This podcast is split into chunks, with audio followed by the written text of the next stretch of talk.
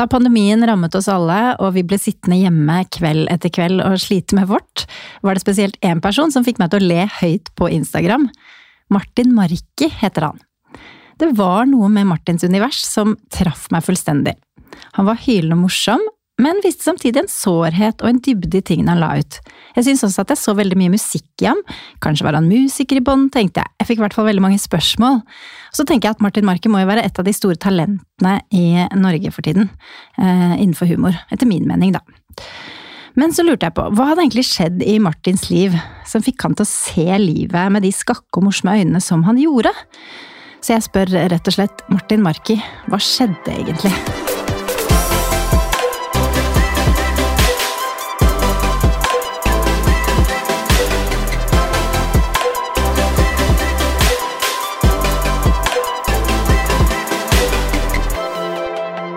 Velkommen! Takk skal du ha. Takk, takk. Så, fin, så, fin, eh, så fint å sitte sånn i et sånt hyggelig studio og høre sånne ord.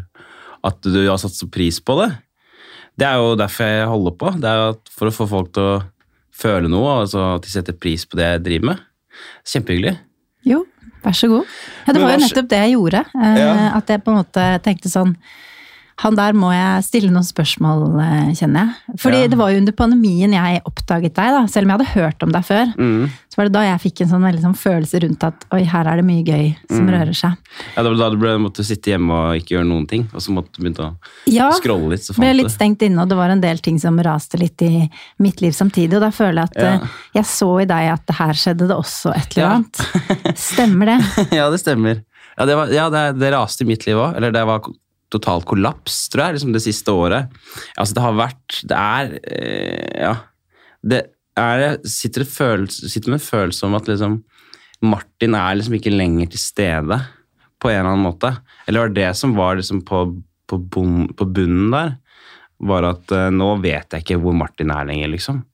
Fordi han, han hadde liksom alt som gjorde at han kunne ha en fin hverdag, til å være helt sånn jeg, jeg, altså jeg, hadde ikke jobb eller kjæreste eller noen ting lenger. Og så bare Jeg vet ikke. Jeg, jeg, I hvert fall koronaåret. Ja, ja, ja, du er jo komiker, og du lever av å stå på scenen. Ja. Blant annet. Mm. Eh, hvordan var det, om plutselig miste alle jobber? Um, Nei, det er først, først er man liksom litt positiv. da. Tenker at uh, Man kan jo bare omstille seg altså gjøre ting liksom, Man har så mange medium, f.eks. Instagram, altså plattformer. da. Uh, og så tenker man også at liksom, ja, kan, nå kan man bruke muligheten til å skrive ting, eller, eller uh, liksom lage TV-serier, produksjoner, gjøre andre ting. Men Så i starten var det ganske sånn Jo, jo, men det her kommer vi oss gjennom. Um, som jeg snakket med meg sjøl om. Jo, jo, kommer oss gjennom dette. Men så er det jo den at man ikke har noe på en måte samspill med andre. Eller man får på en måte ikke noen impulser. I hvert fall så funker huet mitt sånn at jeg må snakke med noen eller gjøre noe eller, eller leve et liv, da. Ha, noe, ha et anker i livet for å kunne liksom skape. Eh, så når du mm. mister alt det, og du liksom ligger bare og flyter som en altså drengløs båt, da, så er det veldig vanskelig å sette seg ned og på en måte fylle et ark. Eh, når du ikke har noe som helst redskaper for å fylle det arket, da. Så ja, iallfall ja, for min del så funka ikke korona så bra på ting, da. Det har jo på en måte ført med seg noe bra, da. Fordi du laget jo ganske mye morsomt på Instagram. Ja, det er bra og da lot jeg merke til deg, blant annet? Ja, det er faktisk det du sier, ja. ja kanskje det er noe med at uh, den Det er jo den tristessen i livet, da, som også man, I hvert fall det hadde jeg, i hvert fall. At jeg hadde den lille Instagram-kontoen, og så, så kunne jeg liksom pøse ut litt ting der som jeg til tider har fått liksom meldinger på fra folk som er sånn Du, går det bra med deg? Egentlig, liksom. For det skinner litt gjennom her at du kanskje, kanskje ikke har det så bra, men så er det veldig sånn øh, raskt tilbake på at ja, men det er jo på en måte det som jeg, det, det som jeg gjør, er jo å, å, på en måte le litt av det miserable, da. For jeg vet at det er flere som på en måte føler det sånn som jeg har det, eller som har det kjipt i denne perioden. Um, og det er også det at man må huske på at utgangspunktet for veldig mange er ikke det, er liksom ikke det samme. Så de som har hatt det kjipt før det starta, har det også mye verre i pandemien. Så det er også en sånn ansvarsfølelse fikk vi, eller jeg, eller i hvert fall oss som, og vår lille, lille liksom humorgjeng, på at den eh, den Det vi kan gjøre, er på en måte å bidra med med litt humor, da, eller bidra med noen smil. Altså få folk til å liksom At vi sier til folk vi er sammen om dette her. Og det er bare å liksom, ikke ta det så seriøst, og så kan vi liksom le oss gjennom pandemien. da, Ikke hele tiden, men av og til. Så kan du liksom også ha et lite smil rundt det, da. Det var jo akkurat det, sånn det fungerte på meg, i hvert fall. Ja, ja men ikke sant? Da funka det. Job well done. Mhm, rett og slett. Ja. Men du, eh, vi kan eh, snakke mye mer om eh, hva som har skjedd i ditt liv og din karriere senere i podden, men eh, nå er vi kommet til spalten Wikipedia, Okay. hvor jeg leser fra gjestens Wikipedia-side. Ja. Men du har ikke noen Wikipedia-side.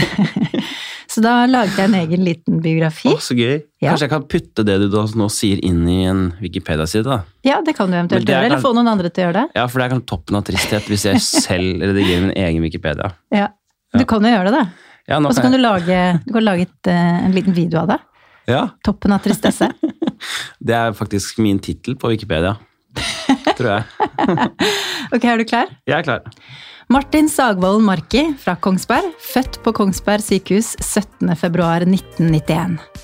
Martin har to år med filmstudioer ved Norges kreative fagskole, han har også tatt designstudioer, nei, designstudier, faktisk, Ja. på Designinstituttet i Oslo. Julen 2014, som sirkus, tror vi, ble Martin oppdaget av Morten Ramm og hentet inn til Rams egen humorfabrikk Njø Scene, der han har jobbet som komiker siden. I dag er han daglig leder i Njø Scene. Er det det det heter? Ja, New Scene heter det. Mm, det er riktig. Mm. Ja. Martin er annet kjent for julekalenderen Kalenderen, der han drikker 24 øl på én kveld. Et konsept som ble en suksess på nettet, men ble rappet av TV Norge, som endte opp med å lage en plagiat av ideen. Ja, denne kalenderen må vi høre litt om. Ja. Den laget du allerede på gutterommet på Kongsberg. Hvordan kom du på den ideen? Um, altså, jeg, jeg vet ikke. Jeg vet ikke Du drakk øl, si? Ja, det var noe med det. Det, det var liksom eh, Jeg har alltid film liksom, alltid tatt mye video. Og så blir man myndig. Eller så man oppdager alkohol og dens effekt. Og det er jo det gøyeste i verden når man er ung og liksom drikker. Så da kombinerer jeg bare de to elementene, rett og slett. Og så blir det show, da. Men så var det sånn Jeg vet ikke. Det, var, det er jo liksom Det er 24 øl i en, i en eh, kasse. Uh, og så er det 24 dager i advent. Mm. Sånn at det var jo veldig greit, det regnestykket der. Så ble det vel til at Ja, for det liksom- er en sånn gul kasse, det er 24 stykker. Ja, jeg tror det var egentlig at jeg så Det, var, det fantes en sånn ølkalender for som jeg kunne kjøpe til liksom onkel, som skulle ta en øl hver dag i advent. Så tenkte vi liksom på Kan vi ikke bare ta alle på en gang?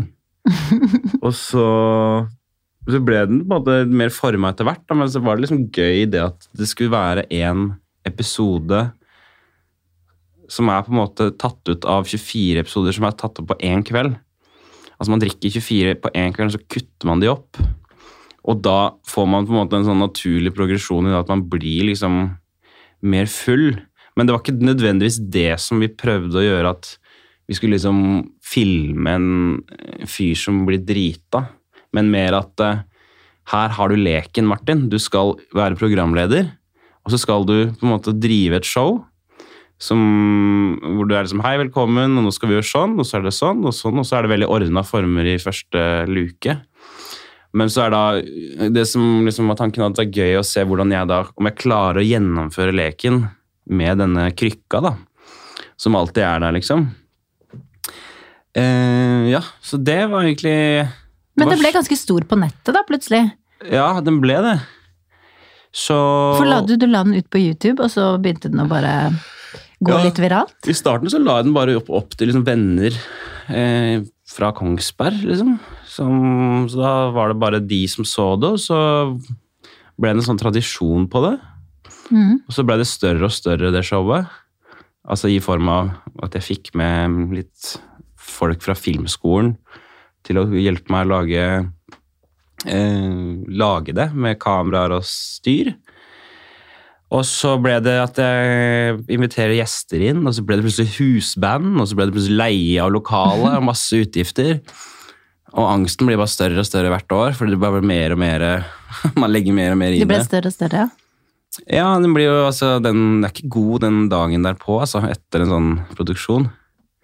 Men Så- så, er- skjer det jo noe, fordi den, eh, folk legger merke til den. Men Mm. så skal TV Norge lage en lignende idé, eller de har egentlig bare tatt ideen. Og Ja. ville lage en, en lik eh, versjon med Ylvis. Ja. Eh, hva, hva tenkte du da? Ehm, nei, jeg ble eh, Først ble jeg, jeg ble satt ut av det. Fordi vi, vi skjønner liksom ikke helt vi tenker, altså Først tenker jeg at det er jo Alle kan jo lage Det er jo ikke noe originalt å lage julekalender, liksom. Men så er det såpass lik idé, som vi da ser da når det starter, um, hvor på en måte konseptet er liksom helt identisk, da. Ehm, og så refererer TV Norge til Danmark uh, og en dansk uh, YouTube-kanal med det konseptet. Uh, som da vi på en måte også kontakter og spør liksom, ja, men vi ser at dere har tatt vår. Og de blånekter jo for det, fordi da har jo TV Norge på en måte allerede vært og kjøpt den ideen av Danmark. Ja, ikke sant? Ehm, ikke sant? Så, så da er det egentlig ikke noe mer man kan gjøre, da. Jeg har jo ikke tatt noe patent på det. Det er ikke noe mulig å ta noe patent på humorideer som sådan, tror jeg, da. Eh, Men det som på en måte er litt kjipt oppi alt det her, er jo at eh, jeg har liksom alltid bare gjort dette aleine, og ikke hatt noe sånn svært produksjonsselskap rundt meg. Så at på en måte Norges største mediehus på en måte går og lager det, er jo litt sånn derre Ja, det er litt kjipt på en måte. Eh, I hvert fall første dagen, eller, men så bare orker jeg ikke å ta den kampen mer, da. Jeg tenker liksom bare ok, da er det vel sånn det funker. Da får jeg vel bare gjøre det.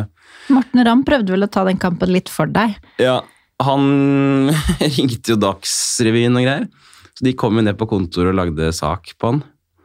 Uh, mens jeg på en måte bare egentlig tenkte at ok, fuck it, da får jeg bare fokusere på å lage noe som er enda bedre enn det de skal lage igjen. For hvis TV Norge hadde sett i Danmark og den ideen, så gjorde de det kanskje med helt gode hensikter. da. De visste kanskje ikke at Danmark hadde tatt den av deg igjen. Ja, det er sant, men vi hadde en litt sånn blodstrup, eh, blodstrupmoen på øh, garasjen.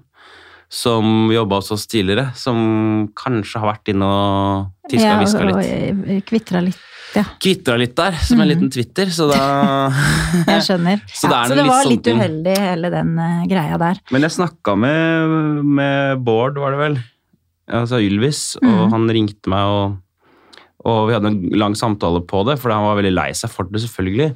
Når han, når han skjønte også hva som hadde skjedd, da. Så jeg er på en måte ikke noe sånn, sitter ikke med noe sånn Jeg er ikke noe sur på noen som helst. Jeg er generelt ikke sur på noen. Men det er jo mer en sånn, det er mer kanalen da, som gjør et litt sånn breialt valg, på en eller annen måte. Eh, Men det er jo også, jeg tenker også at det er kult det da, at man, jeg klarer i hvert fall å inspirere noen til, til å lage et fett show. Det er et kult konsept. Det er bra de, Må jo gi deg litt sånn selvtillit på ideene Ja. og din eh, evne til å skape konsepter. ja. Nei, så det, Få se på det sånn. det er sånn man må se på det. Ja. Mhm. Men Martin, Ja. vi nevnte jo Morten Ramm. Du ble jo nesten, jeg kan jo kalle det oppdaget av han, eh, rundt 2014, for han hadde sett kalenderen på nettet. Ja. Hvordan skjedde det? Hva, ringte han deg, eller sendte han deg en mail, eller hvordan kom det i stand? Um, nei, da lagde vi Det var midt inni en sånn kalender eh, Altså, det var liksom 14. desember eller noe, husker jeg. Og så var det en venn av meg som heter Lasse, som eh, hadde sett at Morten skulle starte en ny liksom, Hva kan, kaller man det? Sånn kollektiv, sånn humorkollektiv kanal YouTube-greie. Som da hadde sendt en link av det showet til Morten. Så det var egentlig bare at han ringte meg samme dag og sa at dette må vi ha på det vi skal kalle for Humor Njø. Eh, så det var jo Ja, det var jo egentlig bare dritfett, da. For eh, jeg har jo alltid sett på Morten Ramm-ting, liksom. Når Var han litt sånn idol på en måte? Ja, absolutt. Hele den bagen der, altså med Torsdag kveld og Og den gjengen har jo alltid liksom De har jo vært veldig viktige eh, for meg når jeg var ung, da. Kanskje liksom Ja, spesielt Morten, som jeg syns alltid har vært jævla funny, da. Så det var veldig, veldig, veldig sånn stort øyeblikk for meg når de ringer og vil, og de syns at jeg er morsom. Så er jo det ganske mye sånn ærefrykt, men også veldig sånn Så jeg ble veldig sånn oh, Shit, nå må jeg Da var vi midt oppi å liksom produsere denne dumme kalenderen hjemme på gutterommet mitt i Oslo, liksom. Så jeg måtte også Ja, så måtte jeg steppe opp det litt, og så Ja. Så det, det var egentlig sånn det skjedde. Så var det at vi fullførte det showet det året, og så spurte han om jeg hadde noen mer ideer. Og så lagde jeg noen mer ideer til han, eller til kanalen. Og så spurte jeg han har du mer ansvar, for jeg vil gjerne ha mer ansvar her på, i Humor Njø, som da skulle lage videoinnhold. Og så begynte jeg egentlig bare å jobbe pro bono holdt jeg på å si, med han og de tingene, for jeg trodde veldig på det. Prosjektet Humor Njø, som skal være en sånn eh, åpning for nye talenter, da. Eh, som gjør kanskje humor som ikke er helt sånn eh, Ja, som er litt ny, da, på en eller annen måte. Mm. Ble veldig inspirert av de folka som også ble med der. Vegard Tryggeseid og Erlend Mørk og Amanda Erlandsen og Mette Alstad og en sånn god gjeng som lagde jævlig mye rare ting. Så det ble liksom første gang, For første gang så møtte jeg noen som, som tenkte litt likt på uh, humor som meg. Som var litt lei av sånne TV-produksjonsideer. Hvor hvor man liksom hadde uh, et kamera og en mikk, og så kunne man gå ut, for man hadde en ganske dum idé. Mm. Og så gjennomfører man det. For det er veldig lett å sitte sånn og ha masse ideer og så bare drive og pitche til hverandre, eller vi liksom klarer ikke å gjennomføre det, men der var det veldig kort vei da, fra, fra å sitte og drodle til å liksom faktisk her er den, og så legge det ut, da. Og bare prøve, og tørre å prøve og Ja, feile. Ja, tørre å prøve og feile. Og det er jo alltid sånn jeg i hvert fall har jobba til nå, da. Med alle de Jeg har lagd eh, 200-300 videoer liksom, på Humornøye, men eh, ti av de er gode. Men det er mer sånn Jeg syns det er gøy å bare Ok, bare få det ut, og så går vi videre. Mm. Men i senere tid så har jeg snudd litt på det. da. Nå prøver jeg å lage noe som er bra, og så vise det. Man lærer, ikke sant, mens man går. Det er sånn man lærer det. Du, eh, vi skal komme mer tilbake til eh, ditt eh, samarbeid med Morten Ramm litt senere. Men først så tenkte jeg at for å bli litt bedre kjent med deg, så skrur vi tiden tilbake til 1991 på Kongsberg.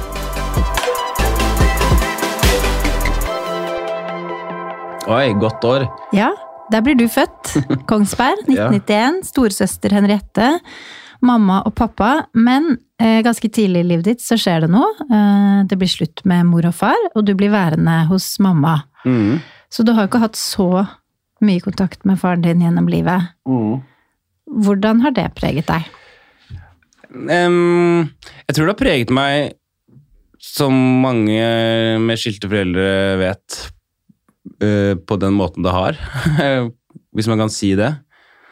Jeg tror nok, eh, i hvert fall for min del, så har jeg vært veldig heldig, for jeg har uh, hatt uh, Hatt uh, liksom mutter'n og hatt tanta mi, som har vært liksom mutter'n nummer to. Mm. Og så, jeg, og så har jeg hatt besteforeldrene mine, spesielt bestefaren min, da. Bestemor døde litt tidlig. Som har vært, vært hos meg. Så jeg tror ikke liksom sånn Jeg tror jeg aldri har hatt en sånn familiekonstellasjon som er sånn mor, far og søster og bror, ting Eller altså sånn Den kjernegreia har jeg aldri hatt, da. Men jeg har fått veldig mye igjen av eh, det jeg har hatt. Som har vært disse damene og, og han gamle mannen, liksom. Blitt en følsom eh, kladd. Jeg har liksom ikke sånn måtte, måtte, måtte lære meg å være litt sånn hard, da. Kanskje. Ja, for du er følsom. På hvilken måte da? Nei, jeg vet ikke. Jeg har alltid fått høre at jeg liksom henger, ser litt ned, eller at jeg ikke har brystet helt opp, på en måte. Uh, Er det litt sånn, Jeg nevnte jo innledningsvis at jeg så en sånn sårhet i deg, eller følsomhet. da. ja. Er det litt det jeg har sett? Jeg tror det. Jeg tror det er en sånn Jeg, tror det er en, jeg, tror jeg, jeg, er veldig, jeg er veldig sårbar til mange situasjoner, liksom. Jeg tenker mye gjennom alle situasjoner jeg er i, rett, rett etter jeg har vært i de. Eller at jeg, jeg er ikke så Hvordan skal man si det? Du lar ikke ting passeres så- veldig lett. Nei. Går inn på deg. Jeg tror det er en Jeg har ikke en sånn hard Jeg har ikke den hardheten, da. Men eh, som også, det kan være positivt å ha en sånn hardhet, men det er veldig positivt å Jeg er ikke, jeg er ikke misfornøyd på en måte med å være liksom en hermetegn følsom mann. Jeg syns det er veldig, veldig styrke, da, som jeg har. Ehm, Men hvordan vil Ja. du beskrive oppveksten din da? Jeg er veldig god. Uh, altså der jeg er fra, altså Skålenborg, altså litt utafor Kongsberg. Veldig sånn fint natur, bondelandaktig. Uh, bodde rett ved siden av skolen. Hadde en bestevenn som jeg hang med hver dag rett ved siden av huset. Altså det var, alt skjedde der. Man, man har full frihet. Man er på en måte som to bikkjer. Husker jeg tenkte sånn som meg og han kompisen som bor på landet, som ikke trenger å være i bånd på en annen måte. Uh, Dere dura rundt på Kongsberg og hadde det fritt og fint. altså, vi bare kjørte på der. Og det var uh, veldig sånn, ja. Man, man ble også litt fort voksen òg, tror jeg, der borte. Man Fordi man kunne operere litt sånn på egen hånd Ja, og bare holde på for seg selv. Jeg tror det. Man hadde liksom ikke så veldig mye sånn pekefingre, du kan ikke gjøre det, kan ikke gjøre det. Og så, så man blir litt sånn fort selvstendig. Og du var litt sånn kreativ familie, for moren din driver med håndverk. Og søsteren din er designer. Ja, Og dere hadde mye sånn slang ut voksduken og satt og absolutt. laget ulike ting. Ja, det er jo hver dag. Sånn var det Ja, hver, hver dag, dag. ja. liksom. Det er jo, Mutter'n er jo lærer, da.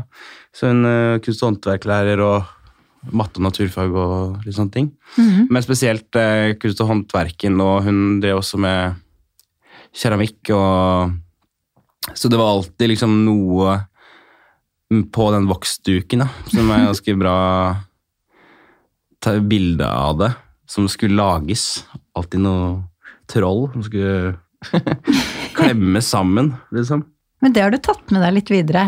Fordi jeg har hørt at du er litt sånn som når, gir, når det er jul og bursdag og sånn, så er det noen flotte gaver og fine kort, og at du gjør deg litt flid. Ja, ja jeg, jeg liker det, da. Jeg syns det er liksom Ja, jeg syns det er noe av det morsomste er liksom å kunne Det gjør jeg fortsatt en dag i dag. Lage liksom ting i gaver, ja.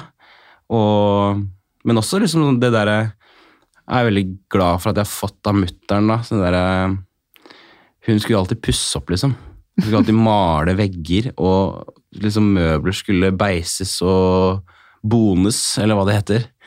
Uh, hadde prosjekter. hadde alltid prosjekter som var liksom Det var litt som å bo i, i huset til Pippi, liksom. Fordi det skulle alltid være en rosa stol eller en gul vegg med kanskje liksom husker Et år så hadde mutter'n en sånn juletre som hang opp ned i taket mens hun liksom Nei, altså, det var så mye galskap, da. Men det var veldig sånn Jeg vet ikke, det, det, det var ikke helt Det var ikke hippie, liksom. Det var ikke helt Montessori, men det var liksom Høres jo litt Steineren ut, da. ja, litt Steineren, kanskje.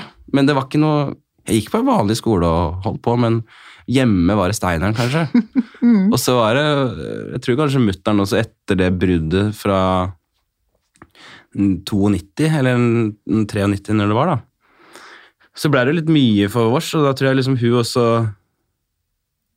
hun, Men hun fant liksom at vi var den der kjernen med oss tre, og så, så hadde vi det mye gøy, da. I det. I hvert fall så, så opplever jeg det sånn. Så det var, eh, det var en jævlig god oppvekst sånn sett. At det var alltid Og jeg har aldri hørt at jeg ikke kan gjøre noe, på en måte. Jeg fikk alltid lov til å gjøre det jeg ville gjøre. Ehm, aldri vært god på skolen eller liksom hatt noe sånn Og det er jo litt dødere enn nå som mutter'n er lærer, ikke sant. Men jeg, jeg var aldri god i noe. Jeg husker en sånn elevrådstime hvor jeg får liksom beskjed av min lærer Hege, som sier at det, det, Martin er ikke så god i matte eller naturfag, og så er han litt så dårlig i engelsk, og så ja, følger ikke helt med i historietimen, og så og så sitter som mutter'n der, husker hun ble så forbanna. Hun bare Ja, men nå er han, kan han ingenting, da, liksom? Er det ingenting han slo i bordet? Er det ingenting her? Så husker hun sier- sier at ja, men han har god Han har så fin stemme. Og han har, lager så fine ting, liksom. Så den der Jeg var alltid i opposisjon til skolen, men jeg elsket å skape, da. Um, så Men du fant ikke helt Du var ikke noe fotballgutt, du hadde liksom ikke Du fant ikke noe særlig sånn tydelige interesser, bortsett fra at noe vi skal snakke om også, at du begynte å lage litt sånn spesielle videoer, slapstick-videoer og ulike ting. Mm. Men så kommer da, er det bestefaren din som kommer med en gave til deg, en gitar, mm, og da bare ba-bam, ja. der skjer det ting. Ja, det er riktig. Mutter'n pleier å si at jeg har hatt klippekort på interesser. Fordi at jeg, jeg prøvde alt, da. Det var liksom Altså, det var alt. Det var judo, fotball, basket, uh, snowboard, skateboard, altså svømming osv. osv. Men det er sant, det. Den, når jeg får gitar, ja, så er det liksom Så åpner det seg klisjéfullt nok å si, men en verden. Det er lov Som å si det. er, ja, men det var faktisk Her er det lov med sånn klisjeer. Ja, det er det, ja. Mm. Det åpnet seg en verden enn dette. Ja. men det Det gjorde på en måte det, for det er sånn Det er alltid hørt mye på musikk. Som jeg fikk mye av fattern, den der musikkgreiene. Men jeg liksom fant ut at faen, man kan spille det sjøl òg, på en måte. Um, og så gikk det ganske fort fra å fra å liksom kunne spille flikkene i Havanna til å liksom kunne spille Zeppelin, da. Så var det jævla fett, og man kunne også spille sammen med andre i et band, på en eller annen måte. Som var helt sånn her, er det mulig? Og det Ja. Nei, det ga meg veldig, veldig mye. Så det var liksom den Husker jeg da 14 Begynte å spille da jeg var 14, og hele den Altså, det er vel da ikke videregående, men ungdomsskolen-perioden, og litt ut i videregående. Det var kanskje hele videregående òg. Så var det spilling liksom hele tida. Men samtidig som du driver med det, så Ja. driver du også og lager liksom slapstick-videoer Ja. sammen, både alene, men også sammen med kompisen din. ja. Hva slags videoer er det du driver og mekker? Um, det videogreiene starta jo veldig tidlig. da. Det var liksom fjerde klasse barneskolen, husker jeg. Og det Vi lager alt. Det er meg og min tidligste venn Sveinung, da, så vi vi, altså det, det, vi lager remake av Matrix, hele filmen. Får med alle på skolen skal være med å spille, og, og Nei, det var eh, også Det er TV-programmer. Det er mye reklamefilmer, av en eller annen grunn. Jeg har jo jeg har kanskje 40 sånne DV-kassetter hjemme med råmateriale fortsatt, som er bare sånn Det er så mye reklamefilmer, av en eller annen grunn. Det var litt sånn stas på den tiden, vet du. Reklamefilmer. Ja, Det men var er sånn, litt uh... det er sånn dårlige sånn derre Colgate sånn Det er sånn merkelig. Vi var så fascinert av det mediumet reklame. Mm. Men det synes jeg, det er jo både en reklame er jo en sketsj. Det er jo bare ok, her er joken dette, og så er det ferdig. Mm. Så vi ble liksom litt sånn drevne på å Hva var den beste reklamen dere lagde, syns du? Vi jeg lagde en reklamefilm som, eh, hvor jeg spilte Michael Jordan. Nei, Michael Owens var det. Eller jeg husker ikke, Michael Jordan er jo basketspilleren. Mm. Men Michael Owen eller sånt, en sånn fotballspiller. Som Ja, der er jeg ikke så sterk, så jeg Ja. beklager. Det var en fotballspiller jeg skulle spille. Han reklamerte for en fotball, husker jeg. Han bare Altså, jeg kommer ut Og jeg var litt sånn lubben kid med sånn stort, hvitt hår. Og jeg, har, jeg hadde, var så dårlig fotball. Dårlig selvtillit og var helt sånn usikker. Visste ikke hvor jeg skulle ha hendene. Skal jeg ha det i lomma? Skal jeg ikke? Så jeg kommer ut på gangen i klasserommet, altså på barneskolen, husker jeg, og har da en fotball som er så jævlig god, da. Som jeg da Altså Og så er vi liksom gode på noen spesialeffekter. Den sparkes liksom til verdensrom og sånne ting. Ja, nei, jeg veit ikke. Jeg syns det var en av de bedre reklamefilmene som ble lagd. Skulle gjerne sett den. Ja, den skal du få se. Takk. Jeg- men det tenkte jeg kan man kanskje legge ut også, sånne videoer fra arkivet. Og Liksom. kan du ikke være så snill å begynne å gjøre det? Det må du gjøre. Ja, men da har jeg materiale til altså, neste år, Altså. Ja, men mye- kom igjen! Det gleder Ja. jeg meg til. Ja. Men jeg hørte at du også lagde sånn slapstick-ting hvor du stakk hodet i kjøleskapet og hva, Ja. hva var det for noe? Det er nok mye altså, Vi så mye Monty Python og KLM og, og sånne ting. Uh, spesielt den slapstick-greiene. Så det var mye Det er jo sånn vi, altså det, Man kopierer jo mye hele tiden. Mm. Så vi lagde liksom bare kopier av det, så så vi at det går an å speede opp film, liksom, og legge på sånne skikkelig sånn slålyder, så ser det ut som man slår seg, eller Det var mye sånn ninja-fights med sånn Kill Bill-musikk og Mission Impossible-bil som kjører, liksom. Ehm, så er det liksom Ja, så var det det, det og så mye Spesielt mye sånn Jeg vet ikke, Tom og altså Harald og Bård og hele den derre Åpen post-greiene, da. Ja, var de forbilder? Ja, absolutt. Det tror jeg var liksom Det var der det starta, da. Når man så øh, spesielt Harald og hele det greiene der. Det er ikke Harald. Harald er jo. Harald er jo Han heter Harald. Nå begynte jeg å tenke på sånn Thomas og Harald. Ja, det, bare, det er ikke Harald Rønneberg du mente? Altså ikke til forkleinelse for Ikke Harald Rønneberg? Han er artig, han òg, altså. Men, Ja. øh, Nei, vi begynte å se det, og så, så var det liksom det var det shit, ass. Jeg tror vi har sett i hjel Åpen post og Tre brødre og Hele Det gjorde jeg også. Ja, Lille Lørdag, alt, liksom. Jeg var sykelig opptatt av det, jeg òg. Ja. Det tror jeg var veldig fint, for det er jo spesielt den der eh, måten å Når de lagde sånne mm, altså, hva, heter det? Når man lager litt sånn intervjuer, eller når man lager med synker og sånn man, man sånn, De er så gode på historiefortelling i humor, da. Um, så det lærte vi mye av å bare, bare kopiere. Det var jo ting som bare var ordrett sketsjen, og så bare lagde vi det. Å, men da skjønte vi også hvordan det lages. Fordi man sitter og liksom klipper det på, ja, da må man ha det. Og nå føles det for lenge å se den personen stå med det kjøleskapet i hodet. Så nå må vi, trenger vi en, en, et intervju igjen på en måte med Mm. personen vi møter i, i den settingen. da. Ja. Har du noen gang snakka med noen av dem, eller hatt noe sånn undervisning, holdt jeg på å si? Eller eh, foredrag med noen av disse idolene dine? Fått lære litt hvordan de har jobba? Jeg har vært på et uh, foredrag med Eia en gang. Og da snakka han, han han om hva er humor. Ja. Jeg angrer litt på at jeg dro, for eh, jeg var ikke så enig i det han sa. Hva sa han da? Nei, han var veldig sånn, han var veldig sånn, mente veldig at det skulle være på en viss måte. Um, men det er jo Det er lenge veldig- siden? Nei, det er ikke så lenge siden. Det er sånn fire år siden. eller sånt nå. Men det er egentlig bare naturlig nok. da, altså Han jo litt, han jo- begynner jo å bli gammel, på en måte. Så han er vel sånn satt i den, det han mener er gøy. Men eh, det var liksom litt den tida hvor også Humor Njø starta opp, og vi var veldig vi var veldig trygge på at vi kan faktisk bare gå ut og lage den dumme ideen, og så er det gøy. For vi tenkte at så lenge folk ler, så funker det. Så da å høre på en måte idolet si at nei, men du kan ikke det, for du må være på en viss måte når du er foran skjermen, eller du må gjøre på en sånn og sånn måte, så så, um, så så funker det, og hvis ikke, så funker det ikke.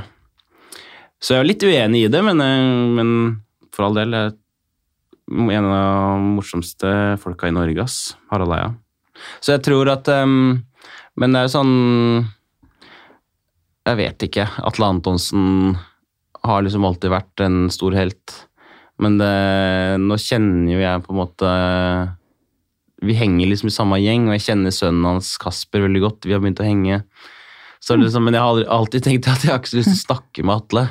For jeg, han for meg er så veldig stort idol, så jeg blir sånn litt den der Harald Eia-opplevelsen at jeg, jeg, jeg har ikke lyst til å bli skuffa, på noen måte, hvis du skjønner. Nei. Så bare la han på en måte være. Det er, liksom det er litt som å få høre at Bob Dylan skal komme og spille konsert. Jeg hadde ikke dratt. Nei. Fordi at eh, for meg så er Freewheelen det beste albumet i verden. Så han kan aldri gi meg det. Så da lar jeg bare han være på en måte legenden, myten, Bob Dylan, som jeg har på skive hjemme. Men ikke han derre gamle, bitre, sure som står i med autotune, på en måte. Skjønner du hva jeg mener? Så da lar jeg bare Atle være en sånn myte for meg. Og så kan jeg heller se det han har gjort tidligere, da. Eller noe sånt. ja. Martin, du flytter jo til Oslo etter hvert, og da er det jo Morten Ramm som tar tak i deg, får deg til en ny scene, Humor Njø, Mm. eh, og siden så har jo ballen rullet for deg der. Eh, Og jeg snakket litt med moren din før dette intervjuet, hun fortalte at hun var utrolig takknemlig. eh, For hun sto litt sånn i takknemlighetsgjeld til Morten Ramm, da, sa hun, fordi hun syns at han Ja. har tatt så vare på deg og vært så viktig for deg, da. Mm. Så tenkte jeg at vi skulle prøve noe nytt i denne podkasten, og ringe opp moren din og Morten. Og Ja. la moren din få lov å snakke litt grann med Morten og fortelle om Ja, tenk, dette har jo Kanskje du har noe å si til han nå? dette har du, du nevnte dette før jeg kom, at vi skulle gjøre det. Ja. Og det har jeg tenkt litt på. At kan bli det, Jeg lurer liksom på hvordan det er. for at mutteren, Jeg har jo møtt, møtt Morten og sånn. Men hun er en folkelig dame, så det kan bli jævla artig. Lisbeth heter hun. Lisbeth, ja. Veldig hyggelig dame, da. Lisbeth Sagvolden. Vet du hva, jeg ble litt sånn glad i Lisbeth jeg, av å snakke med henne. Lisbeth er eh, en legende på Kongsberg. Hun er likt av alle, og alle liker eh, Hun liker alle, og alle liker Lisbeth, for å si det sånn. Ja, det skjønner jeg godt. Vi ringer Lisbeth først, da. Ring Lisbeth. Hei, det er Lisbeth. Hei, Lisbeth! Det er Henriette og Martin som ringer. Sønnen din. Hei! Koselig. Ja. Hei. Hallo, min skaper. Hva sa du? Hallo, min skaper. Ja, ja, ja, gullungen. gullungen. Er du på camping? Jeg er på camping, vet du, Martin. Har ferie. Koser meg. Bra. Nå ringer vi Morten Ramm, Lisbeth. Vi tenkte vi skulle prate litt med, med han også. Ja. Hei, Morten. Hei. Hei, hei. Hei, Morten. Så hyggelig. Har du fått vaksine nå, Morten? Ja, det har jeg. Det har jeg. Jeg var, eh, fikk det akkurat nå, for et kvarter siden. Ja, for Lisbeth, eh, mammaen til Martin, har visst også vært på vaksine. Var det første dose, Lisbeth? Nei, jeg, jeg skal få. Jeg Du skal få, ja. Ja, ja, ja, ja. Er jeg før deg? ja det er før meg! Det er bra. Fader, det er eh, ikke noe særlig yngre er det, nei. Men, men dere er så hyggelig å ha alle sammen på tråden. Ja. Var- Eh, Først og fremst så tenkte jeg bare, Morten, kan ikke du si litt om hva det var du så i Martin som gjorde at du ville ha han med i stallen din den gangen? Hvor er du? Forresten, Morten, hvor, hvor er du hen? Det er- er bråker veldig i bakgrunnen. Jeg spiller eh, Det er inne på en eh, padeltennisarena, og jeg spiller bordtennis også, for vi er jo bordtenniskameratene. Stemmer det. Så vi er da, da og spiller det, da. Ja, Så nå er vi på eh, å spille det, men eh, Martin, nei, det var eh, det er Noen ganger så ser det er jo sikkert hvis folk driver med for eksempel humor, eller hvis de driver med noe annet, da, hvis de driver med et regnskap, eller med konsulentbransje, eller jobber på Kiwi, for en saks skyld, så har du, er det sånne intervju, så ser du fort om dette her er egna eller ikke. Egnet materiale, ja. Eh, Så, så når du jobber med humor, så ser du også om dette her er noe å bygge videre på. så det, det, så, det, så, det ser du med en gang. Noen har det bare. Noen har funny bones. Eh, Noen er mer skolerte og utlærte. Sta- Standup-komikere kan jo bli bedre ved å liksom lære seg setup, setup, punch, men eh, noen har en egen signatur og egen, eh, egen eh, rett og slett personlighet og har en egen eh, eh, egen humor som man ikke, ikke andre har. Ikke kan lære seg. Der var market. I den, den sjangeren. enig med deg. Hvordan har det vært å jobbe med han, da? Det er, eh, har jo en eh, ganske, ikke ganske, ganske høy arbeidsmoral. Eh, og får ting eh, gjort. Gjør det lille ekstra. Skal du ha noen kulisser på scenen, så bygger han det sjøl. Og så videre og så videre. Det har han fra er er- Steiner, har han fra Steinerhjemmet sitt. Mm. Det, det kan godt hende at det har vært mye skulpturering og keramikk og strikking og makramé der hjemme. Det er, det er Men eh, det er bra at han klarer å dra det ut i det profesjonelle arbeidslivet også. At det ikke bare er eh, regning med, med små figurer. Men dere, eh, grunnen til at jeg ville samle alle på linje her, er fordi at eh, jeg snakket med Lisbeth, mammaen til Martin, før intervjuet. Og da sa hun Ja. eh, litt om at hun hadde en del gode tanker om deg, Morten, som hun aldri hadde fått formidla videre. Så jeg tenkte kanskje at å gi Lisbeth da muligheten til å fortelle deg, Morten, hva du har betydd for Martin Ja, ja. og for Lisbeth, egentlig. Hva har du å si, Lisbeth? Ja, ja først, først og fremst når jeg liksom fikk vite at eh, Morten hadde tatt kontakt med Martin, så ble jeg jo fryktelig stolt. Og jeg tenkte at å, endelig er det noen som ser Martin. Og det, Ja. det setter jeg kjempestor pris på, Morten. At du på en måte liksom eh, så det som jeg tenkte at noen burde sett, for å si det sånn. da. Mm Ja. Ja. Du sier, at jeg, jeg, men jeg, jeg har jo ikke greie på det, sånn som du har. Men jeg, jeg ble jo veldig veldig glad når, eh, når du tok han under dine vinger, hvis vi kan si det sånn. da. Ja, ja, jeg kan jo si det sånn, da. ja, ja. ja. Og så er det ikke bare det at du liksom tok imot den og, og ga han muligheter, men det er den derre veien som har gått uh, siden nå. Det derre den omsorgen. For jeg snakker jo mye med Martin, og vi er en familie som er teite, og vi prater mye og sånn. Og da forstår jeg at du er en utrolig omsorgsfull mann. Ikke bare stiller du opp når det går bra, og du backer og støtter, men du jommen meg støtter veldig også når ting ikke går så bra. Og det er noe en mamma er veldig, veldig, veldig glad for. Det må jeg si tusen, tusen takk.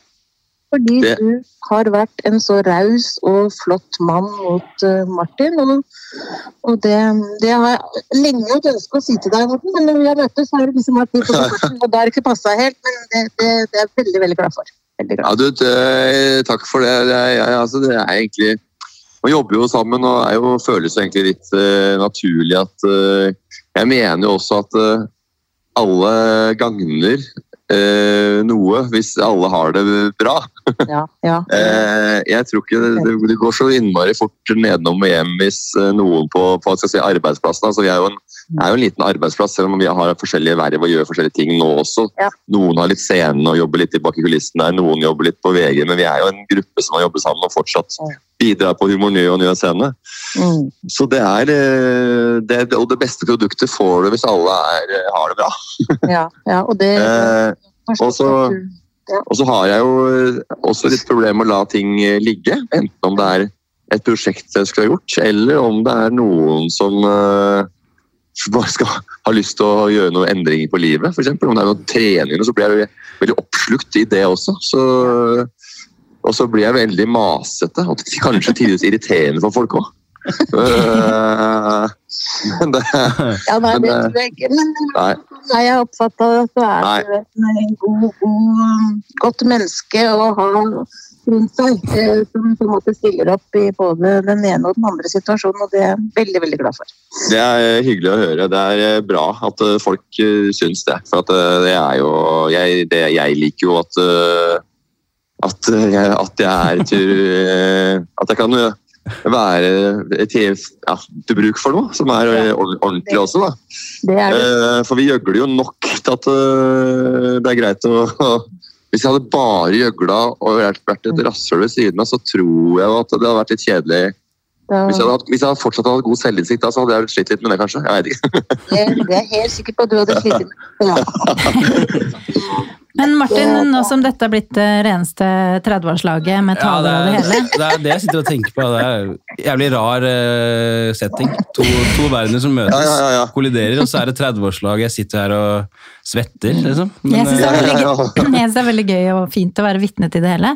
Men Martin, har du noe Ja. du vil si til Morten, nå som du har muligheten? Nå som det er, talerstolen er din? jeg tror liksom Morten veit alle tinga som, eh, eh, som jeg føler overfor han. Han er jo eh, Ja, setter, som mutter'n sier, stor pris på alt, da. Jeg vet ikke. Det er eh, absolutt eh, vært veldig viktig da, for meg. Også det Når det har butta, så har Morten vært god venn der. Så takk skal du ha, Ram. Ja, ja. Ja. Nei, men eh, vi eh, får fortsette med det, da. Ja. Morten, hva tror du om fremtiden til Martin som komiker og scenepersonlighet i Norge? Men jeg tror han har eh, veldig ekstremt potensial. eh, Det, det er så mange, det er sånn, sånn, vi skal snakke sånn profesjonelt og analytisk på det, så er det jo veldig mange som er sånn veldig sånn tydelig eh, Dette funker for meg. som Vegard Tryggeseid er veldig sånn tydelig denne, dette er humoren min. Martin har veldig mye forskjellig. Eh, Det å finne én retning som er litt stødig, det tror jeg hadde gagna Martin veldig. Men han har jo ekstremt potensial og 30 år. Altså, jeg begynte jo med humor da jeg var 27, så, Så det, det, er ikke, det er liksom ikke Men nå er det virkelig Vi har holdt på så lenge med dette her, ikke sant. Så, så tenker jeg at ja, fader, hvorfor går det ikke det veien og det veien? Men det er veldig mye prøving og feiling i humor.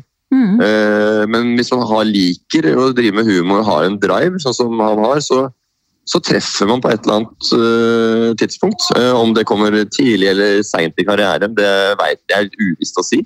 Men uh, at man kan, at man kan leve, leve, av det, det er, det er helt sikkert. Lisbeth, du, Lisbeth, du har jo vært litt sånn småbekymra, ja. eller tidligere da, da han valgte den veien her. Mm. Men nå ja. som du liksom hører både Morten og meg hause han opp, og du vet ja. at han har jobb i Njø scene og sånn, er du litt mindre bekymra nå? Ja, ja, ja. Det er lenge siden jeg var bekymra nå. Ja. Men det er klart, når du, helt i begynnelsen jeg tenkte at ja, ja, ja, det er det liksom en liten blaff, tenker jeg. For jeg tenkte jo ikke at det ble så bra som det blei. Så jeg, nå kjenner jeg at uh, dette går bra, og Martin er såpass fornuftig at han skaffer seg litt her og litt der innen samme Altså, han gjør jo litt forskjellige ting. Ja. Ikke sant? Og, og, og, med humoren sin. Sånn at uh, jeg er trygg på at han, eh, dette går fint. Og jeg er ja, glad jo... for at man kan følge drømmene sine, og at ikke bare gjør ting som er fornuftig. Nei, og det er jo, jeg må si også at det funker jo like, eller vel så bra bak uh, ja, kamera og scenen som ja. foran. så det, det, tror jeg er rett. Jeg, var, jeg kan si at mutter'n og faren min også var ikke, han var ikke meget happy da jeg slutta i Norwegian uh, der i, og skulle begynne å gjøgle på manshow. Altså, jeg tror ikke det var helt uh, opp deres Det var ikke helt opp i gata deres i starten. Det var ikke. Så uh, det, var, det, var ikke, det, var, ikke, det beste valget de hadde hørt. Det, det var det ikke. Ja, men dere, tusen tusen takk for at dere var med på linja. Det var veldig hyggelig å være vitne til 30-årslaget. Ja. ja, ja, ja. Nei, Vi får ta et ordentlig 30-årslag. Eh, virkelig dra på med gåsehud, latter og tårer, hele paletten. ja, men takk skal dere ha, og lykke til med vaksiner og det hele. Ja, ja, vi snakkes på. Hva, hva sa du? Hva, hva, hva, sier du, Lisbeth? Ja, god sommer! God sommer. Ha det! Ja, ha det. Ja, Martin, hva, hva tenker du nå? Nei, jeg ble, jeg ble litt varm av det her. Det var det, Jeg vet ikke. Jeg bare føler hva er jeg med på nå? Så jeg tenkte sånn Sitter og hører, sitter i studio Hva har du sagt ja til nå? Hun der Henriette, hva er det hun spør meg om? Jeg visste ikke helt selv, for jeg har aldri testa ut dette her. Ja. Jeg, har prøvd, jeg, har ikke prøvd, å ringe noen i podkasten før. Jeg, Men det var veldig sånn jeg husker jeg hadde når jeg fylte 30 nå i februar, så hadde jeg en litt sånn runde med venner også, hvor det var sånn Nei, nå syns vi skal, alle skal si noe til Martin. Så da skrudde vi av musikken, og så var det liksom sånn det her at man tok liksom en runde med alle skulle si noe fint. Og jeg, jeg veit ikke hva som skjer med meg. Jeg blir så Jeg, jeg blir helt sånn derre jeg, jeg blir, rørt og flau og glad, men samtidig syns jeg jeg blir helt sånn Jeg blir han derre usikre fyren som ikke vet hvor jeg skal ha av, nesten. men det er veldig hyggelig, da. Veldig hyggelig. Jeg tror det var fint for Lisbeth å få sagt dette til Morten. Ja, det er takk for det, Henriette, at du, du, du, skaper muligheter. Du skaper utrolige lytteropplevelser. Ja, og hvem vet hva dette kommer til å føre til? Men det er veldig, veldig, sånn, som jeg sa, at det er to verdener ass, som møtes. Det er liksom eh, Ja, det er en veldig artig duo. Uh, jeg ble jo litt sånn Jøss, yes, er dette en podkast med Ram og mutter'n, liksom? Ram og mutter'n. Og meg Men, uh, på siden. Ja, Egentlig nesten ja, litt absurd. Ja, kurator som sitter på en måte og drar det videre, mens jeg sitter bare og hører på og er flau i bakgrunnen. Jeg også kjente på, det, kjente på sånn Hm, dette var annerledes. Ja. Nei, jeg, Hva blir dette? Men, men jeg syns det var kjempehyggelig, da. Jeg, jeg er jo såpass jeg, alt, jeg, skal ikke tulle med alt. Det, det er veldig eh, setter veldig pris på det Morten har liksom gjort og åpna dører for meg, da. Så det skal man ikke liksom ta for gitt, og det tror jeg også Morten vet veldig godt. Eh, jeg, hvor mye jeg setter pris på det. I starten eh, av intervjuet så snakket vi litt om eh, at eh, ting hadde vært litt vanskelig under pandemien, og du sa at det var en total kollaps i livet ditt, egentlig. Mm. Jeg har lyst til å høre litt mer om det. Hva var det som skjedde? Eller eventuelt hva var det som ikke skjedde? Ja, ja riktig. Hva var det som ikke skjedde da? Nei, altså Nei, det, det Jeg uh, Det første som skjedde, var vel at jeg, at jeg mista på en måte jobben, som veldig mange andre. Og så skjærer det forholdet jeg er i, seg etter seks år der. Um, som er helt for jævlig, på en måte. Og så mister jeg da en leilighet i samme sleng, for man bor jo sammen med denne personen. Så da, så da, så da går det skikkelig sånn i, i, Altså, korthuset, som er på en måte et korthus også for meg, da, har alltid vært det. Det raser plutselig, og så er det liksom ingenting. Um, ja. Så en tøff periode, liksom. Uh, der. Um, da blir det naturlig å lage litt humor ut av det på sosiale medier. Ja. Man må, jeg, jeg, jeg følte at det, nå må jeg bare bruke det til noe. Altså, altså sånn Jeg må, jeg må liksom få en Hva heter det? Ja, arena. Arena eller utløsning for disse, alt det jeg sitter med, da. Så det er også veldig fint med å drive med humor, er at når du butter, liksom, så kan man alltid liksom tulle med det med en sånn åpenhet i det. ikke sant? Du har, du har jo vært på standup-show og så sett en komiker som sier liksom Nei, fy faen, jeg, jeg mista bussen i dag, og så fikk jeg en inkasso, og så ler vi av det sammen. Mm. Og Det er litt sånn det også funker, at det, eh, den triste klovnen, den vil liksom alltid være morsom. Um, så det er også noe jeg har brukt veldig, så jeg tenker jeg er veldig heldig da, som får lov til å holde på med det her, og, og, og ha den muligheten. Uh, og, og, ikke henge med hodet, men å være en klovn og alltid komme med nye forslag. Og så butter det, så ja, ok, men da prøver vi dette. Ja, men det er jo sånn. Og det har også blitt flinkere til i det at når det har vært kjipt med, med eksen, eller når ting har vært eh, dritt, så har jeg blitt flink til å liksom klappe meg selv på skulderen og tenke ja, ja, men det er ikke så rart at det her har skjedd. Det er ikke så rart at jeg nå sitter og er deppa, eller at jeg har angst, eller at jeg har det dritt. Fordi man kan alltid liksom ja, se seg sjøl litt som en venn, da, og bare Vet du hva, nå er det kjipt fordi at dette har skjedd. Selvfølgelig er det kjipt, liksom.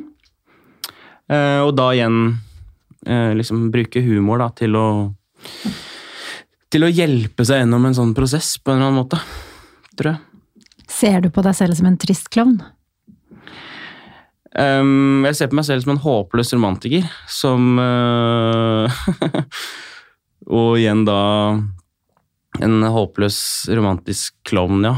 En trist Men en Jeg tror nok at tristessen er helt nødvendig for klovnen min. Eh, for å kunne være morsom. Jeg tror en Jeg tror liksom ikke på humor som bare skal være impro, jazzhender og nå er vi glade og Jeg tror man trenger en ærlighet og en dybde. Så som for å liksom få fram det artige da, i livet. Når du står på scenen, så er du ikke en klassisk standup-komiker i det hele tatt. Du eh, karakteriserer deg selv litt som en moderne klovn. Ja. Kan ikke du forklare det? Altså, jeg, jeg, jeg, jeg har ikke tittelen. Jeg har ikke en utdannelse i, i profesjonen moderne klovn. Men jeg, finnes det en utdannelse i ja, moderne klovn? Ja, det finnes en utdannelse i det. Uh, min venn Viggo, Viggo Venn, han er utdanna moderne klovn i Paris. Eh, på klovneskole. Så man kan få den utdannelsen. Eh, man da går hos en læremester, liksom, og så lærer man det, da. Men det er den moderne klovn er jo liksom altså Man ser på man sier klovn, så ser man på store sko og rød nese i manesjen, på en måte. Mens en moderne klovn er jo på en måte ikke en, en sånn type variant, da.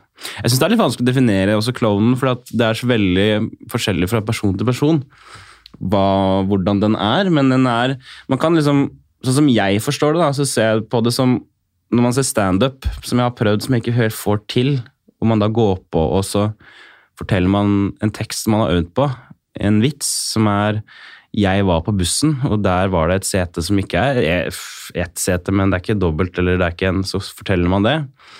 Og så forteller det til deg som publikum, og så ler du av det, eller da må du ta det på den måten.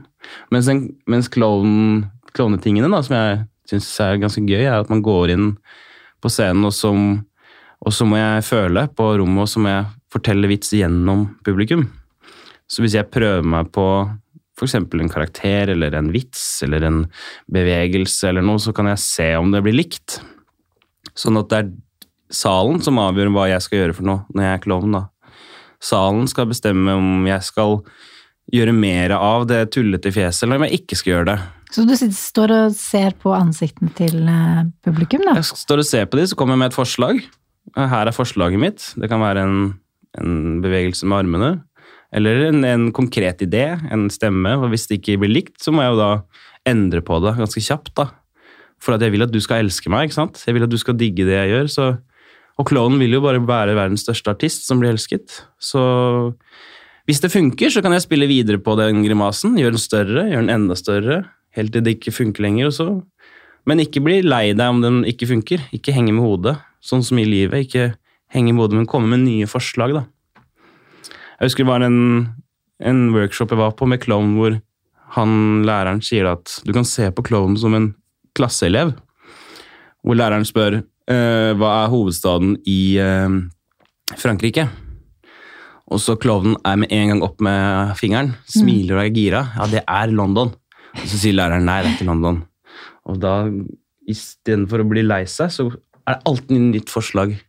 Ja, det er eh, København, er det.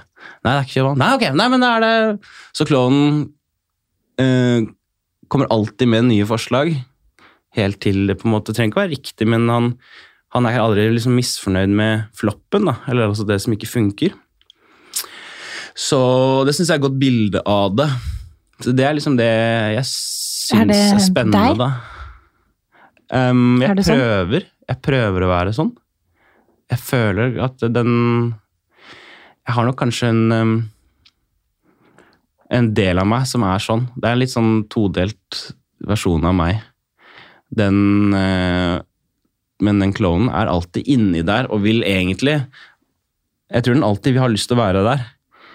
Men så kommer jo alvoret og menneskene og, og ansvaret, da, som gjør at man blir eh, eh, litt Martin og litt sånn eh, ansvarsfull eh, daglig leder på Njø. Ja, for du jobber jo som det til vanlig, Ja, så du er ikke bare ute og gjøgler. Nei, nei jeg, eh, jeg har det ansvaret der. Så den Det har vært veldig fint òg, da. At man kan kombinere det. Og også sånn i den Det som Humor Njø også har tenkt fra starten, eller det Hva skal man si? Det som Visjonen, da, er jo liksom å bygge opp nye folk, komikere og, og talenter. Få de fram, sånn at de kan lage sine ideer uten at man skal pirke så mye borti de. Og det er også det jeg elsker med å jobbe med med Ny scene, at man får inn folk, og så sier man, vet du hva, du kan gjøre hva du vil, så lenge du gjør det på, med engasjement, og du vil dette selv, og jeg, at jeg ikke trenger å lage det for deg. Så det å få inn folk, og så si at du kan gjøre hva du vil, så er de helt sånn, er det sant? Og så de, går de sammen i gjenger, og, og vi ser det nå som vi har liksom Ungt Hunt-gjeng med liksom nye sånne utdanna filmstudenter som lager helt sånn rare revyer og man har, man har grupperinger da, med talenter som, som kommer nå og lager ting hos oss som er helt sånn Jeg syns det er helt fantastisk at, eh, at, at det finnes fortsatt eh, så mye iver, da. Og spesielt hos unge folk. Det er nydelig å ha en arena hvor man bare kan holde på sånn, Ja, og få inn folk. ja. Helt topp. Så det syns jeg er kjempegøy. Og, og, og hjelpe og ha litt regi og, og liksom bare backe, rett og slett. da. For det er veldig lett når man først får en, et engasjement rundt en idé, så, så drives den mer eller mindre av seg sjøl, syns jeg. Fordi det bare, de bare de sparrer og er så gode, og de har De er unge, da. Har mye energi. Hvis du skal tørre å drømme litt, eh, og ikke være beskjeden, hva er drømmescenario i karrieren din? Jeg er liksom forsiktig med å drømme, egentlig, om fremtid. liksom. Jeg har ikke noe sånn mål eller noe sånt noe. Nei, men hvis du sk- allikevel skal Ja, tørre å si okay. i dine villeste fantasier hva hadde vært drømmescenario, da, uten at uh, vi trenger at eh, du lanserer at dette er målet ditt, men at uh, det hadde vært fint hvis det skjedde. Jeg har vel Jeg har veldig lyst til å Eller jeg Ja, jeg har sett eh, en del eh, klovneshow, da, med folk som er veldig liksom, dyktige på det som jeg snakket om med klovn. Folk som kan bare gå på en scene og så, og så trenger de nesten ikke gjøre noen ting. De bare vet hvordan de er morsomme. De vet eh, ja, hva som funker og ikke funker. Og så kan de bare gå og få folk til å le uten å ha så veldig mye materiale. Jeg tror det er en litt sånn hemmelig drøm jeg har. At det har vært kult å på en måte komme til et sånt Kall det nivå, eller noe sånt noe. Og, kunne, og, og at jeg kunne liksom satt, satt opp masse show og få folk til å le hele tiden. Men du setter jo opp show, og nå fremover skal du ha show på Salt i Oslo. Ja. Til høsten skal du ha show. Du skal til Edinburgh og sette opp show. Eh, Ja. Også til høsten-vinteren. Ja, det er sant, Det det. skjer jo ting. Det skjer ting. Jeg er kanskje bare litt ydmyk på det, men jeg Men, jeg- men jeg tror sånn Ja. Jeg, jeg mener bare at det, det har vært kult å liksom kunne ikke, Det tar så veldig mye av meg å sette opp show nå, ikke sant? for jeg vet sånn som vi snakker om med Morten, at man, man driver og utforsker fortsatt. Jeg driver fortsatt og utforsker, jeg vet jo ikke noe tydelig retning på hva jeg gjør. Men å ha en sånn tydelig retning og vite liksom sånn er det, og nå kan jeg bare gjøre det, sette det opp. Og jeg setter opp ja, 20 forestillinger der, eller Eller eh, ja. Jeg ser for meg deg i en setting, men jeg skal ikke si hva det er. Nei. Så vi ser om det skjer. Men jeg skal, jeg skal jo sette opp show til Det stemmer, det, da. Til sommeren nå. Eller jeg har to show nå på Salt, er det vel? På Humorfest. 28. juli og 28. august, faktisk. Med Alene. Det er litt artig, for det ene showet Hun maser veldig hun på Salt nå. For hun, hun, hun Salt er da utestedet utested i Oslo, for de som ikke vet det. Hun spurte om du, har du lyst til å ha et show, så har jeg sagt ja, jeg kan godt ha et show. Og så har jeg liksom ikke tenkt så mye på det, men jeg må, jeg må faktisk sette opp et show, ja. Så det kan bli litt artig. Det er litt sånn, Jeg tenkte kanskje en idé var at jeg ikke har noe idé. At det heter bare Martin har ikke noe så mye idé. Men eh, Men kan det være, kan du bruke noe av den tristessen fra pandemien? Ja. Den eh, liker jeg godt, i hvert fall. Jeg hadde sånn slideshow, altså kanskje Jeg hadde i fjor som var sånn Martin viser bilder fra sommeren. Kanskje jeg kunne vise bilder fra, kor fra koronatida med litt kommentarer og sånn. Det er veldig Ja, gøy. Da sier vi det. Da skal jeg ha Martin vise bilder fra korona. 27. juli på Salt. Det er bare å komme og se. Jeg kommer. Ja, Bra. Martin, tusen takk for at du ville være med i podkasten. Bare hyggelig. Håper det funka fint. Ja, det har vært veldig morsomt å bli litt bedre kjent med deg. Mm. Jeg føler at eh, På en måte så føler jeg at mange av de tankene jeg hadde om deg, traff litt. Ja. Eh, At eh, det var en sårhet og en dybde og en musikalitet i deg, i hvert fall. Mm. Det har Mm. vært veldig interessant å snakke med deg. Så hyggelig. Takk! Takk, samme.